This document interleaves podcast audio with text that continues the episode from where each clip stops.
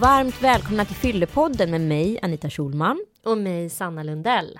Den här podden presenteras i samarbete med IQ. Om ni vill kolla upp era egna alkoholvanor så kan ni gå in på www.alkoholprofilen.se. Eh, Det är jätteintressant att se vad man har för vanor faktiskt och checka av dem tycker jag. Ja, och det betyder inte att man behöver anklaga sig själv om man nu är rädd för det, utan man faktiskt bara får en checka på vad man, hur mycket man dricker egentligen. Idag har vi en gäst som är, ja vad ska jag säga, helt eh, otrolig faktiskt. En kille som har gått från skateboardproffs till, eh, nu han, håller han på med flipper och däremellan har han hunnit starta några av Sveriges största klädföretag. Han hade 37 föreläsningar här nu under oktober och han eh, har fallit och rest sig och fallit och rest sig eh, som nykter alkoholist nu idag.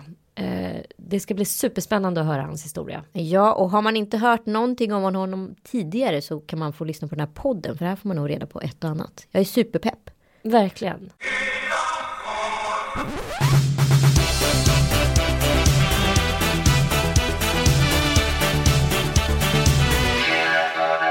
Varmt välkommen säger vi till Per Holknekt. Holknäckt är det. Holknekt. Långt o. Ja, god Är morgon. det? Ja. Jag tror att det är väldigt många som säger fel till dig hela Inklusive tiden. min dotter. Ja. Hon kan inte uttala, uttala sitt eget namn. Var kommer det ifrån förresten? Dalarna. Ja. Är det ett sånt där, de har ju väldigt fina namn. Jag läste Mm. någonstans att det finns en hel by där eh, alla heter Barbro i andra namn. Ja, man, där jag kommer ifrån så, så har man ju namn efter gården man, man uh, härrör ifrån. Så att jag heter egentligen Mattes, Olle och Per.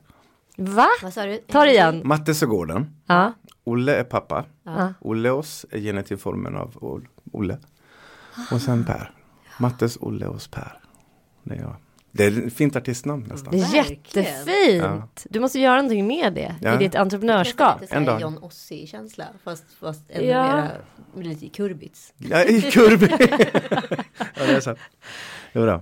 Så är det. Jo, men jag är från Dalarna. Vi är jätteglada att ha dig här idag. Eh, det ska bli superspännande och eh, vi undrar såklart vad du gör just nu i, i Ja, livet. bortsett från att sitta här hos er. Så um, just nu har jag en ganska intensiv föreläsningsperiod här i oktober-november när jag är ute och tror jag har 37 uppdrag på scenen. Wow. Annars så, eh, jag sitter i någon styrelse här och driver några bolag där och framförallt så jobbar jag då på mitt nya klädföretag. Ja, vad heter mm, Det heter Nonsens, två ord. Nonsens. Mm. Nonsens. Ja, lite så. Gud vad roligt. Ja. Och du sa tidigare när vi pratade innan här att du jobbar med tre kvinnor. Ja, jag tycker om att jobba med tjejer på något vis. Eller har alltid gjort. Jag tror de senaste hundra rekryteringarna är det så här typ två killar. Det är, något, ja, det är svårt att jobba med en tjej men det är bättre. Varför då? vad händer med tjejer? Nej men det blir mycket intriger när det är stora grupperingar och sådär. Jag ska inte gå ut i köket för nu är Maggan där och sådär. men, men jag tycker att tjejer har eh, min erfarenhet berättar att det finns en mycket, mycket större utveckling i tjejer. Killar har liksom, de spelar ut alla kort dag ett och sen så har vi allt liksom. Tjejer är så här, finns alltid ett S i armen. Berätta, du skrev själv, självbiografi förra året. Eh, Ja, just det. eh, om ett ämne som vi är väldigt intresserade av. Mm, skateboarding. Vad sa du? Skateboarding. och flipper Och, flipper, och flyg och fiske och allt som börjar på F eller. Ja, men, och du är ju en högpresterande människa om vi börjar där Mm. Ja. Kan du berätta om hur det här triggades igång? För du kommer från en trevlig fin familj och Ja. inga konstiga... Nej, mat på bordet och Ja. allt det där. Ja, ja, jag, vet, jag tror det. Jag, jag, jag försökte lista ut vad det var som hände egentligen som fick mig att börja leverera och prestera så mycket. Men jag tror det ligger mycket i självkänsla. En, en relativt bristfällig självkänsla som gör att man måste leverera som fan för att duga. Jag lyssnade på ditt sommarprat. Ja, Det är väldigt fint. Där beskriver ju du din barndom eh, och att du var väldigt högpresterande redan som liten. Mm. ja. Men, eh, och du beskriver också att, eh, att du är yngst i klassen hela tiden. ja, jag fick ju hoppa över och lite sådär. För att du var så förbaskat eh, smart. Kan man säga att jag är smart? Det Ja, man. det får man säga. ja men Ja. Då, är, då är det. Ja, det har vi förstått. Relativt, Här, Jante är förbjudet här. Relativt, det är väl. Mm. Eller så tänker jag bara annorlunda. Tror jag, de flesta. Men vad hände då i klassen? Blev du... eh, Var det jobbigt att vara yngst? Nej, ja, jag hade ju så här sen pubertet och vågade inte duscha med de andra killarna. Jag gick hem och duschade och sådär. Och, Och fick inga brudar och allt det där jobbiga. Mm. Så, och då, när man är på så här fester och sånt och alla ligger och hånglar i soffor och jag sitter och tittar på och då börjar så här, saker börja rotera i huvudet och så undrar man varför. Så. Och så hänger det där med. På något vis. Men idag så börjar jag hitta hem. 50 år senare. Vilken odyssé. Men du beskriver också där eh, ditt första möte med alkohol. Mm. En mörk folkbärs Ja. som du ska dricka. Ja, det var sju burkar Dart tror jag var min första Mm. fylla. Så. Ja, ja, men jag visste ju inte liksom um, nej, men det som hände då, att eh, den här rädslan jag hela tiden bar på försvann. Så alkohol var liksom en barriärbrytare för dig? Ja, för mig blev det ju det. Den löste ju problem åt mig för tidigt så. Mm. Mm. Vilket jag väl kanske omedvetet har, har nyttjat sedan dess då, ganska mycket. Sen har det, det blivit så här en känslokontroll eftersom jag är en känslomänniska i mångt och mycket. Då, så så ja, den, den har tyvärr spelat för stor roll i mitt liv. Men På vilket sätt är det en känslokontroll? Ja men det är ju både i glädje och sorg så, så dyker den upp och knackar på. Så liksom när man känner olycka eller oro eller sorg eller vad som helst så liksom tänker man ju väldigt tidigt att den där har jag alltid bedövat, skalat bort det här obehaget. För en stund. Mm. Sen så kommer det tillbaks nästa dag med ränta. Men, men så har den varit för mig. Tror jag. Och även så då när jag liksom har mått extremt bra så har den ju kommit och, och sagt att nu jävlar ska vi fira. Så.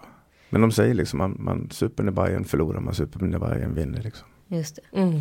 Men jag får i alla fall, det här må vara en fördom, men när man är så högpresterande som du och så pass bra, Ja. eh, du har ju faktiskt elit i allt från flipper till skateboard, oavsett vad du företar dig så Mm. går det väldigt bra för dig. Brukar, Eh, ja. brukar göra det. Ja. Eh, Inte alltid, ska nej. jag säga. Jag gör fel ibland. Men jag tänker, finns det också så här en, alltså blir du uttråkad fort? Blev. Idag så känner jag en otrolig ro i i det här ingenting-skapet. Så, så idag först, men det är nog en åldersfråga tror jag. Men jag har haft en rastlöshet i, i mig hela mitt liv som har fått mig att hålla på. Så. Men jag tycker att det är roligt att hålla på. Jag tycker att det är spännande. Jag tycker om att ha liksom krokar i sjön med bete på. Så att när jag sitter här så kan det hända någonting Mm. Samtidigt. Så, så det tycker jag är roligt. Du slutar aldrig kasta upp bollar.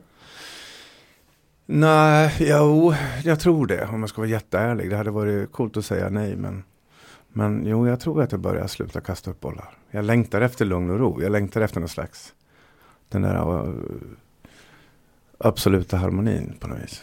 För att jag känner att jag behöver det. Ja. Men det här med tristessen då? Kan man plocka in det också i relationer? Jag tänker att det finns, alltså om man springer fort i, i yrkesmässigt kan det finnas också en tristess att så här. Ja, men där har vi ju då min, egentligen, åh gud, det här är så mångfacetterat, men liksom relationsmässigt så, jag när ju en dröm om att få, att få uh, skrynkla till mig ihop med någon. Det, alltså jag, jag, jag är jättenaiv i detta. Jag, jag, jag tror på, på att få bygga en, bygga ett basläger i livet tillsammans med någon som är en trygg plattform från vilken man sen kan göra sina äventyr. Och sen komma hem till den här lilla plattformen. Det är min dröm. Så. Visst lät det fint? Och det lät jättebra. Ja, för har man den och gör allting tillsammans eller i samförstånd så, så behöver det inte bli tristess liksom. Utan, utan vackert i det här lilla. Men jag, jag vill ju liksom ha ehm, enkelhet i vardagen. Och när man läser min bok så tror man att hela mitt liv är liksom att sitta i en cirkusvagn i Gdansk och dricka vodka med Omar Sharif. Men det är det ju inte liksom. Utan det där är ju ett destillat. Så att det, 99% av tiden så tar jag det ju ganska lugnt också. Men det känns som att du är väldigt mångfacetterad. Ja. Jag, du blev ett känt ansikte för mig när jag såg eh, Big Brother. Mm, 15 år sedan, ja. Ja, och du klev in i det första svenska Big Brother-huset. Ja, Och, och för mig var det faktiskt storartad tv. För jag tycker att det var så en jävla bra cast. Det är allt annat än vad det är liksom nu. ja det var en mopedraggare från Göteborg och en bondkärring från Rättvik och liksom Ja, en clown. Angelica. Och en clown ifrån Åkersberga. Alltså. Det var skitrolig cast. Ja, och det Och var, det var, var- inga kids heller utan vi liksom, det var verkligen Nej. spännande sammansättning. Och det var otroligt spännande samtal som blev till inne i det där huset. Och, alltså, det, det vart mer ett filosofiskt program tycker jag, Tycker jag än också. att det var bara så här fest och galenskap. Ja. Att folk låg och, låg och humpade under täcken liksom. Mm. Utan det här var ju, jag tycker det var, det var en av de bästa liksom tv-momenten. Vad glad jag blir att du säger det. För Ja. att liksom, jag har ju blivit eh, så här, fått frågan från tusen journalister och förklara hur illa jag mår efter det här programmet. Mm. Och jag har alltid sagt att jag står för att jag var med, jag hade roligt, det var Men den intressant. säsongen och var det ju fantastisk. Ja, Ja, ja, den var ju det var kul. Det var. Rätt upp och ner. Men, Men jag ångrar det inte, men jag skulle inte göra det igen. nej, det förstår jag skulle inte heller vilja göra det, men jag hade jättegärna velat vara med i den säsongen. Ja. Men jag tänker, du var ju helt egentligen nynykter när du gjorde det där. Ja. Eh, jag tänker att vi backar tillbaks till det här, till, ditt, till din botten. Alltså Ja. du, du började, Jag har ju några bottnar. Ja du har ju flera Ja, bottnar. tyvärr. Men det här är väl liksom ändå din första botten på något sätt? Andra ja. Var det din andra? Ja, jag tror det. Ja. Nej men nu får du berätta. Berätta, Berätta om dina början. bottnar. Ja, ja men egentligen så är det ju så här. Jag, jag flyttade till USA 1980 och började åka skateboard professionellt. Och den karriären tog ju slut av att jag slog i en botten där. När jag väl då valde att flytta hem. Mm, vad hände där då?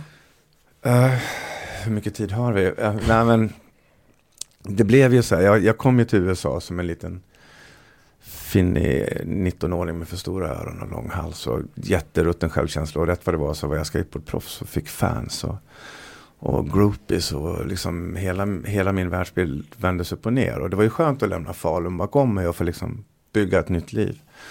Men i det här att jag då liksom det finns ju någonting som är ganska så obehagligt i, i när, när människor får makt i olika former. För då så blir man ganska oemotsagd. Och man tappar sin härliga ödmjukhet och man blir självcentrerad. Och sen så, då levde vi ett skateboardliv som inbegrep jävligt mycket festande också. För det var en del av kulturen. Så, så jag tappade min ödmjukhet och eh, blev självcentrerad. Och eh, en dag så, så bröt jag mot min livs, stora livsregel, vilket var att aldrig prova droger. Mm. Och när jag väl klev på det tåget då i augusti eh, 1984 så, så accelererar den jävligt fort. Alltså jätte, jättefort. Tills jag en natt liksom står med, som jag nämner i mitt sommarprat också, bröstkorgen mot en varm motorhuv och polisbilar omringar min bil. Och jag förstår att, att eh, jag kommer att sitta inne tills jag är eh, lika tunnhårig som nu. Och sen räddas, räddas jag genom någons försorg då. Ett telefonsamtal till polisen där någon kvinna har blivit skjuten i området och man släpper mig fri. Och eh, då bestämmer jag mig för att lämna USA och åka hem och börja om. Mm. Så det var väl min första botten. Sen så kom ju den här Men blev du klarare då? Då tog du inga mer droger? Nej, då slutade jag där och då. Men, men alkoholen hann ju fatt mig sen när nästa framgångssaga kom då med mina skateboardföretag och det här i Sverige. Som drog iväg i en resa som slutade med att jag, eh, oj det här är, det är inte jätteroligt att prata om men det är viktigt. Men... eh, Jag tycker det är jätteviktigt därför att vi, ja. många eh, svenskar och unga, för du beskriver ändå så ganska normalt, ett, ett normalt relation till alkohol för att vara tonåring. Ja. Nästan alla som är mellan 18 och 27 överkonsumerar alkohol Absolut. och festar väldigt mycket och vi Självklart. lever liksom i en kultur som är helt dränkt i alkohol på Och förhärligar den dessutom. Så att, det- Ja, ja, ja, Absolut. absolut.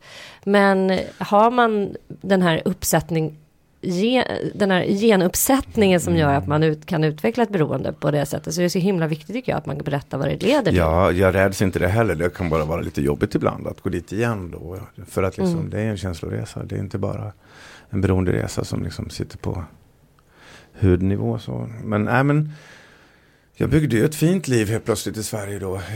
Jag, jag ehm, startade en massa företag och träffade en fantastisk tjej och vi fick barn. Och köpte hus i gamla Enskede och det var, det var väldigt, väldigt vackert alltihopa. Tills jag, mitt, mitt alkoholintag ehm, intog gamla eh, överkonsumerande proportioner. Och, och eh, min, eh, den andra Per kom upp till ytan igen. Det finns ju två Per, han i beroendet och han vid sidan om beroendet. Och, Hur är beroende Per? och han är väldigt självcentrerad. Han är fullkomligt ointresserad av andra människor. Det är bara jag och mina kickar och mina, mina Ehm, så.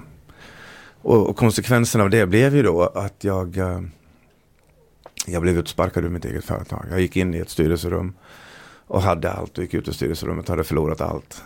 Och allt var bara borta. Och, eh, och vilket var rätt.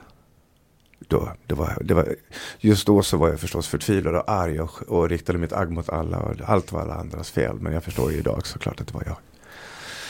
Och sen hade jag då turen, alltså den, den stora välsignelsen att ha en, en mamma till min dotter då som var stark nog att sparka ut mig ur huset.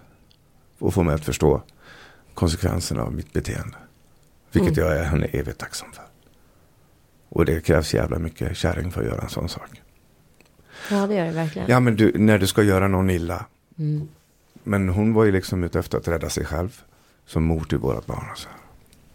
och eh, uppsidan av det var att hon fick mig att förstå.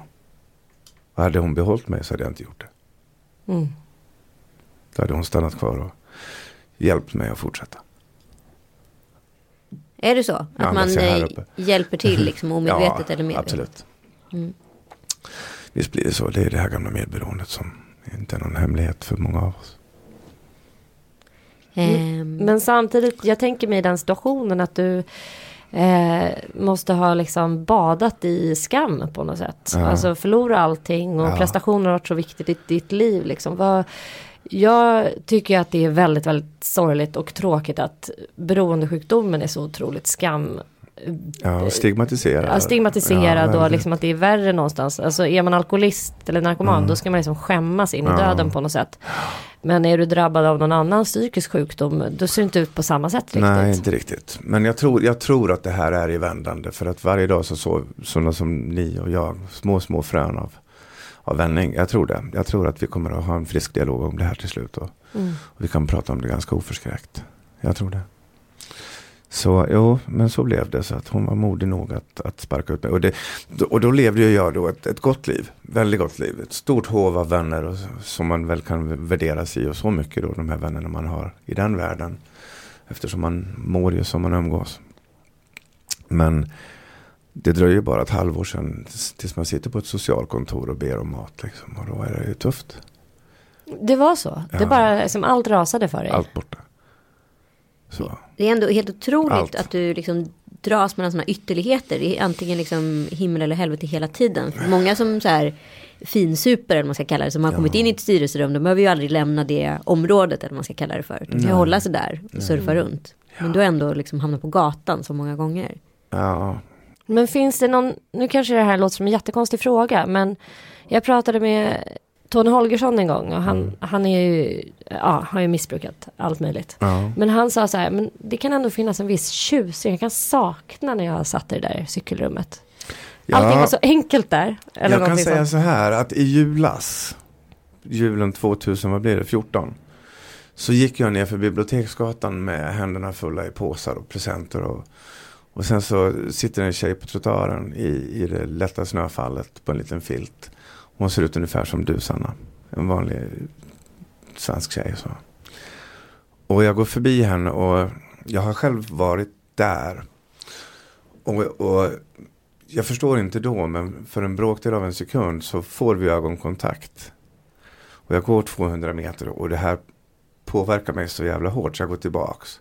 Och så pratar jag med henne en stund och jag förstår ju själv att det man egentligen behöver få känna när man sitter där det är att man finns. Att man existerar. Och, och jag sitter och pratar med henne och så känner jag så här ett sånt otroligt avund på att hon får vara där. Mm. Och det blir så paradoxalt. För det är så, um, mitt i förtvivlan så finns det en själslig bekymmerslöshet. Det, det är så här, allt är borta, vad fan mer kan jag förlora? För vi går ju hela tiden nu och är rädda för, vad kan jag förlora? Och ska, ska jag få ha det så här? Är det så här bra? Så, så jag vet inte, det var jätte, jättekonstigt att förstå att jag blev avundsjuk på hennes situation. Vilket kanske be, beskriver då lite grann vad du pratar om, där mina ytterligheter så. Eller Tony Holgersson då i sitt. Ja men det kan, jag, jag förstod det, alltså det till en början så tänker man så här, gud vad menar han? Men sen så förstår jag liksom enkelheten i det där, att det nästan finns en så här religiös känsla i Ja. att bara vara så här, att man har förlorat allt. Ja, eller så kan man, det finns ju de som väljer att inte ha någonting. Ja, ja. Att bli någon liten buddhist i en liten koja i skogen liksom. Det är ju samma sak, Mm. fast ändå inte. Så, så att, ehm, och, och det är väl då att jag kanske då bär på någon slags orädsla för det där eftersom det inte skrämmer mig så fruktansvärt mycket. Ja, för vem som helst skulle kunna skrämma. Ja, Varför har, du, varför har du inte den rädslan? Det vet inte jag. Så. Men liksom, samtidigt så är jag en människa som gör väldigt mycket och allting jag gör kan ju inte lyckas rimligtvis. Om vi låtsas att 77% av alla mina äventyr går bra. Om jag bjuder upp en tjej och ska vi dansa. Så är chansen 23% att hon säger nej. men jag tar risken och jag vet att om hon säger nej så får jag jävligt ont i magen och blir ledsen. Men det är värt risken. Mm. Så. Lite så, tänker jag. Men det finns ju någon sägning, eller så här, psykoterapeutisk sägning, att det är så här, det är liksom en hårsmån mellan en parkbänkare och en, och en eh, högpresterare. Ja. Du har båda. Ja, sen så när man är där ute så, så möter man ju andra människor som är där ute. Och man, man hittar ju liksom synonymer. Mm. Så gemensamheter och det är oftast känslomänniskor. Uh, vissa har hamnat där genom egen försumbarhet men vissa har ju också hamnat där genom andras försumbarhet. När jobbet de haft i 24 år, uh, fabriken lades ner. Han kunde inte längre försörja familjen. Frun hittade en ny gubbe som hade plånbok. Och där sitter han och ska bedöva sig. Och sen så börjar det snurra åt fel håll. Mm. Att du kan vända om och ta dig in igen är ju väldigt imponerande. I den stora familjen, Ja. in i värmen. Mm. Ja. Det har jag lärt mig en sak. Och det är faktiskt uh, Folk frågar mig vad är det som har gjort att jag vänt upp här. Och jag har lärt mig att det handlar bara om en sak. Det är att, att våga be om hjälp. Och det är det svåraste vi vet. Alla till mans är det så svårt att be om hjälp. För det, är, det finns ju någon slags nederlag att be om hjälp. Mm. Ändå tycker vi så jävla mycket om att hjälpa. Ändå så förstår vi inte liksom hur alltså, Men när jag ber om hjälp då blir det bra. Mm. Men vi män har ju haft svårt att be om hjälp. Det låter väldigt enkelt och samtidigt så är det så Ja, det svårt. så svårt. Och när man väl är där och behöver den Ja, där det är så hjälpen. svårt, det är så svårt om man väntar så länge. Mm. Speciellt karlar. Vi ska ju vara starka och vi ska ju liksom, i alla fall enligt gammal uppfostran ska vi vara duktiga. Och bryter vi armen så går vi till jobbet så pratar vi om det på nästa fest liksom. Alltså.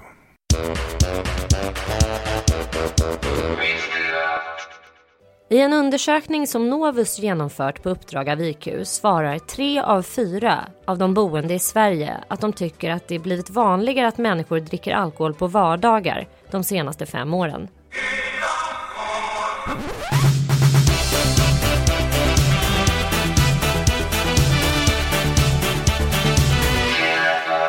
Men när du var på botten, du satt och sålde Situation Stockholm, Ja. eller din andra botten som du kallar för, Mm. när du blivit utslängd av Andra av tre, jag mamma. har haft tre riktiga bottnar. Ja, men du, där får du i alla fall hjälp mot, mot din alkoholism. ja, ja. Eh, hur kom du till den punkten? Vem var det som liksom tog dig till, vem, vem hjälpte dig? Jo, som jag sa då så gick jag då till ett socialkontor och bad om mat först. Och det var svårt nog för det är ett jättenederlag när man har sin, sin egen bakgrund av en relativt god familj och mycket kärlek. Och, så jag brukar beskriva den som en mamma som doftade av nyskalade apelsiner och fars kärare, far doftade av kärade skidor. Mm. Men det var mycket i den uppväxten jag hade. Och att sitta då där med uh, svullna ögon och be om mat på ett socialkontor, det är ett jättenederlag. Men jag går dit två, fyra, åtta, tio dagar innan den här tjejen säger till mig som jobbar där då. Hon säger, hon ser mig i ögonen dessutom. Den första människan som ser mig i ögonen på lång tid. För människor ser inte folk som mår jävligt dåligt i ögonen. Så. Men hon ser mig i ögonen så, så säger hon till sist här, men du Per, jag tror ju på dig. Och att bli trodd på är ganska starka saker. Så. Mm. Så när hon helt plötsligt då vågar tro på det här bottenskrapet Per. Så liksom tänds ju en liten låga i mig. Och jag förstår ju att, att hon räddar mitt liv i det lilla. Med fyra ord liksom. Så. Och sen så ger hon mig en möjlighet att, att gå in i behandling. Så de satsar lite pengar i Per. Någon slags högriskaktieplacering. Och tänker väl att kanske han en dag kan komma att betala tillbaks via omvägar. Så. Och um, jag får ett erbjudande och jag tar det. Och där börjar min stora vändning. Så. Men att, att våga be om hjälp, att exponera sig själv och släppa ner sin höga gard. Det, det funkar inte bara för beroende människor utan i alla livssituationer att våga be om hjälp. När man hamnar i någon slags läge där man inte klarar det själv. Ja, det kan vara på jobbet. Ja, det kommer ju hända alla. Ja, jag, det behöver, inte vara, det behöver inte vara så själsliga bekymmer. Det kan vara praktiska saker på jobbet. För jag klarar inte detta. Bettan, kan du hjälpa mig? Mm. Så, istället för att vara stolt. Där är ju faktiskt män, förlåt mig, lite bättre än kvinnor. Är det så? Ja, jag tycker att män är bättre på att fråga kvinnor om hjälp. Kvinnor Ja. skulle aldrig fråga en annan kvinna om Det är hjälp. kanske därför jag bara äh, väljer att jobba med tjejer. Ja, Ja. just det. Nej, men jag har någon slags fäbless för att jobba med brudar. Det är toppen. Det är härligt du känner så. Jag känner tvärtom. Oftast. Ja, Eller nej, jag vet inte. Jag tycker det är bra att jobba med alla. Men jag tror att det är bra med en mix. ja jag, jag är så jäkla mycket kvinna själv. Så att, jag, Ja, det är därför. jag tror det. Men du, sen lever du som, du är med i Big Brother, du träffar Victoria Tolstoy och Mm. gifter dig. Det verkar ändå vara ganska nära hela den här fina idén som du har om kärlek och att bli skrynklig med någon. Ja, det var fantastiskt. Och det var vackert. Och, och, och det som med den sagan jag tycker var det finaste av allt. Det var att hon, en hyllad sångerska, otroligt vacker och spännande och, och, och galen.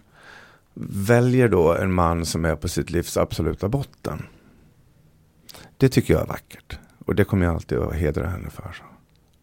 För att hon är med och bygger tillbaka mig och sådär. Och hjälper mig att och repa mod och ställa mig upp och räta på ryggen och sådär. och Komma tillbaks. Och våga satsa på ett klädföretag då, som då fick heta Old Molly. Ja, för där händer ju någonting väldigt Mm. spännande. Att du startar Odd Molly som idag är ett av Sveriges största Ja. klädföretag. Mm. Eh, och även om inte du är, är med i det längre, eller Nej, jag ska inte säga. kvar. Nej, Men du har inte kvar det. Nej. Men eh, det blir en enorm vändning för dig och en enorm framgång. Kan du berätta lite? Ja, det blir en ytlig framgång. Kapitalframgång och, och berömdhetsframgång. Och sen så Usch, nu vill jag prata om lyckan istället. För att eh, jag, ja men du vet hur vi pådyvlas allt det här med hur det ser ut när man är, blir lycklig. I media beskrivs det som att du liksom Du dricker sjukt äckliga sörjor på morgonen och sen så ja, ja men förstår det. Sen så liksom blir du rätt rik och sen har du en stuga i Provence och sen så Då är allt toppen. Ja, vi på och, så, toppen och så har du ett supersaldo så står de dig i tidningarna. Sen har du en fantastiskt vacker kvinna vid din sida. Då är du lycklig. så. Men var du inte lycklig då? Nej, Varför då? jag trodde det. Du trodde det? Ja, för att jag fick så otroligt mycket bekräftelse utifrån. Alla bekräftade mig, alla bekräftade mig och det där är ju knark. Liksom. Det, där är ju, det där är riktigt, riktigt beroendeframkallande. Men, eh, nej, men jag, jag hade ju fortfarande inte lärt mig att älska mig själv. Vilket är då min nya resa idag. Och den är inte jättelätt. Så, så den tog jag ett stickspår in på lyckojakten där. Men det, jag tycker att hela livet är en stor jävla hägring så som det beskrivs. För att man lurar oss åt helt fel håll. Ja. Alltså du menar att vi blir lurade till att tro att lyckan ligger i yttre prestationer? Ja, den där jävla kistan vid regnbågens slut där, som vi jagar liksom. Men kan den inte vara där ibland då? Eller förstår du? Alltså, Jo. måste det ena ersätta det andra eller det ena Nej, finnas en ren lycka eller nej. en oren? Men jag tror nog att jag pratar om det här överflödet som vi jagar. Jag tror nog att människan bara behöver slippa oro.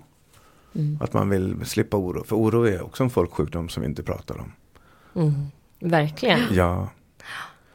Så att, att, att få komma upp till den här orosnivån, att slippa oron. Det är, sen det som är ovanför den linjen, det är ganska egalt. Många pratar väl också om oro som ångest. Ja, Men det är väl oro som det i nio fall av tio är. Ångest är ju lite den kommer ju där ur, den är sprungen ur Ja. det. Ja, oro är väl liksom ett slags förstadie till riktig ångest. Exakt. Men och det finns ju väldigt mycket att oroa sig för när man lever ett mat- materiellt eh, betonat liv. Ja, det är det det blir. Att man ska förlora allting eller att man inte ska liksom ha råd att betala för allt där som man har investerat i. Och, Ja, det är ett högt spel.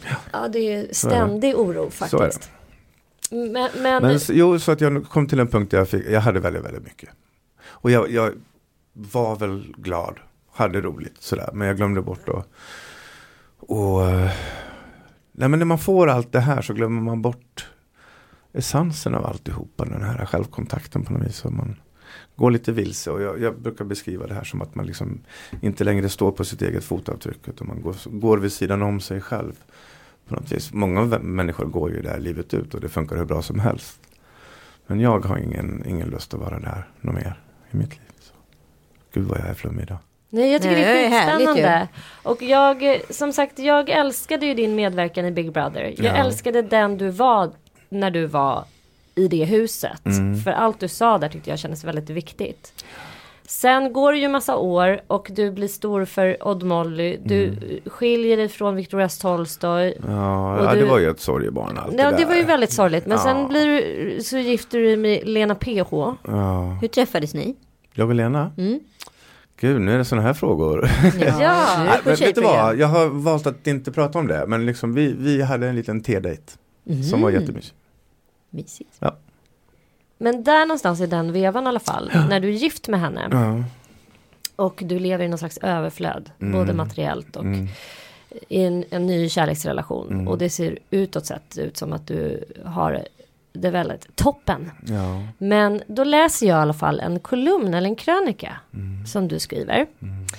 Där jag eh, ser hur du sitter och förhärligar ett återfall. Och vet du vad, det, det, det här är självbedrägeriets största epos. Alltså det är, Ja. ja. alltså det är fruktansvärt. Så här i backspegeln så är det en av mina största skampolare i mitt liv. Men det, är- den är också så otroligt beskrivande av beroendekaraktären. Ja men det kände jag när Den är jag så läste den. jättetydlig. Den var så tydlig och jag blev så här, jag bara åh gud, jag kände så här smärta när jag läste den. Ja. Riktigt så här Ja. själslig smärta, bara nej, nej, nej, nej, nej. Så. Ja. Och eh, Kan ni referera vad handlar Ja, om? du skriver i, i den här kolumnen, eh, du beskriver en otroligt härlig scen på en balkong när du sitter med, med en sol som går ner eh, på en Över strand. Stilla havet. Ja, Stilla havet i Ja. Los Angeles någonstans. Ja.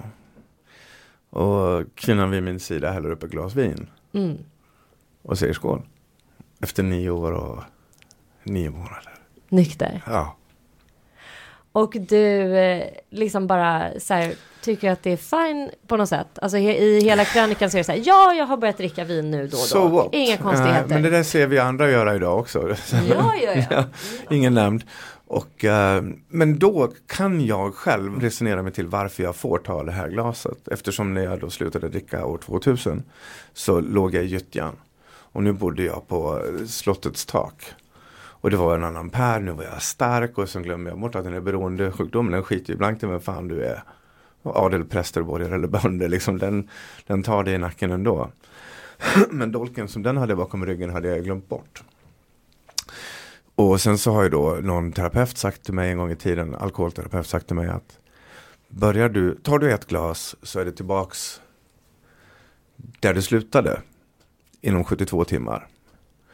Och då är man så jävla smart då så att jag tar ett glas och så väntar jag 72 timmar. Sen tar jag nästa glas. Jaha. Ja, så bara, nej, så var det inte alls Nej, du ser. Han Ja, hade men fel. Så jävla smart är man då som beroende. Man går omkring och man har liksom artiklar i innerfickan där det står att rödvin är bra för hjärtat. Och så här. Man fyller på. Ja, man är smart. Ja, Man, man samlar fakta och man forskning är utifrån. kreativ för att få försvara sitt eget beroende. För det är så starkt.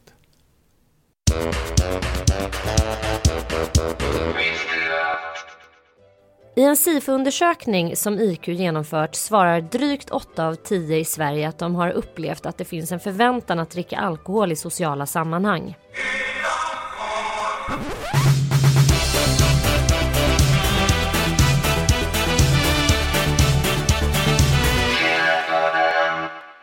Hur länge pågick det här Eh, återfallet? två år drygt. Och vad händer med dig under den här perioden? Samma sak igen.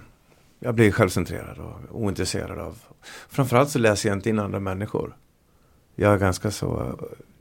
Det är mig egalt om någon annan människa liksom tar stryk av mitt leverne.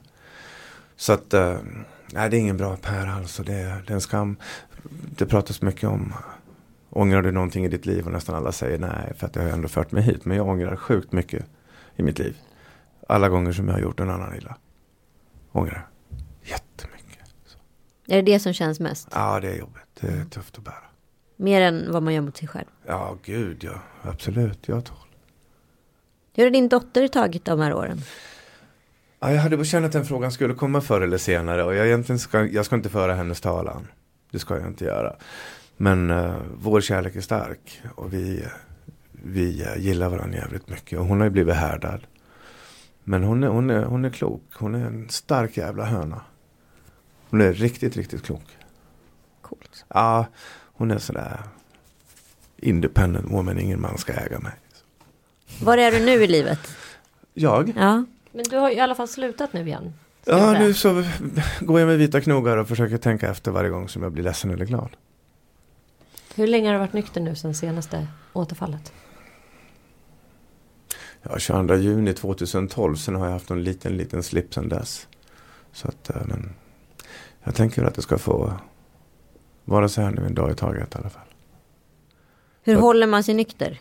För du ligger väl där och jäckar eller Ja, hur fan funkar att det? dricka. Ja men hur funkar det? Jag är, in, jag är inte en beroende person. Nej men alltså, jag vill ta det aktiva beslutet. Jag vill Mm. inte att någon ska ta beslutet åt mig. Jag vill känna mig stolt. Det är som nu då, jag måste sluta röka här nu på måndag. Ja då bestämmer du dig. Ja, jag måste göra det. Ja. Varför då? Jag ska operera min rygg och läkaren väg- vägrar operera mig om jag röker. Aha, okej. Jag är jätteglad att jag får den hjälpen att sluta röka för det. Det är min sista last. där Som, fan, jag är 55 år. Jag vill liksom leva tills jag dör och inte överleva tills jag dör. Så, nu vill jag må bra. Nu vill jag ut i löparspåret igen. Men hur jag inte dricker? Ja. Är det någonting som... Jag tror att en stor del um, i det är att hela tiden prata om det. Mm. Som till exempel när jag föreläser. Eller när jag pratar med vänner och sådär. Ungefär. Men jag undviker, jag tycker inte om att vara i miljöer där folk är fulla. Alltså.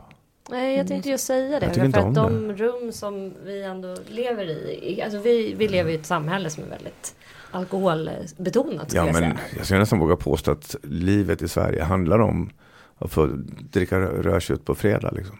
Ja, ja. Det är det det går Absolut. ut på. Så. Och nu är det inte bara fredag, lördag. Utan nu ska Nej, man ju nej. kunna dricka en AV och det ska drickas vin till luncher. Kontinentala i veckorna och svenskar Ja, hel- absolut. över helgerna eller hur sa de? Exakt. Och, men hur, hur gör du för att undvika? Jag tycker om att vara ensam.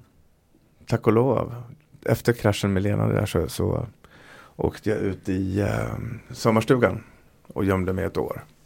Och fick en möjlighet att liksom vara, lära mig vara ensam. Och sen så, det är jävligt obehagligt att vara så här påtvunget ensam. Men då sa min terapeut till mig att sitt kvar. Du kommer att möta Per till slut. Och sen efter en tid så fick jag liksom någon slags klarsynthet. Och, och ja, jag vet inte. Så nu så tycker jag nästan mer om att vara ensam än att vara med människor. Jag kan bara sitta i soffan hemma och bara trycka on på mitt huvud så är kvällen räddad. Liksom. Jätteskönt. Ja, ja. där vill jag veta hur Tyvärr kan jag inte trycka off då. Så. Ut, utan, ut, utan med hjälp av ett glas. Nej, det är så. Men du föreläser en hel del Ja. kring de här frågorna. Och det... Jag föreläser om allt. Så, jag har aldrig något manus när jag går upp på scenen men det beror på min kund. Mm. Jag pratar gärna om alkohol eftersom när man ser mig så tänker man det är han som det. Så jag kan inte fäkta förbi sådana saker i mina föredrag.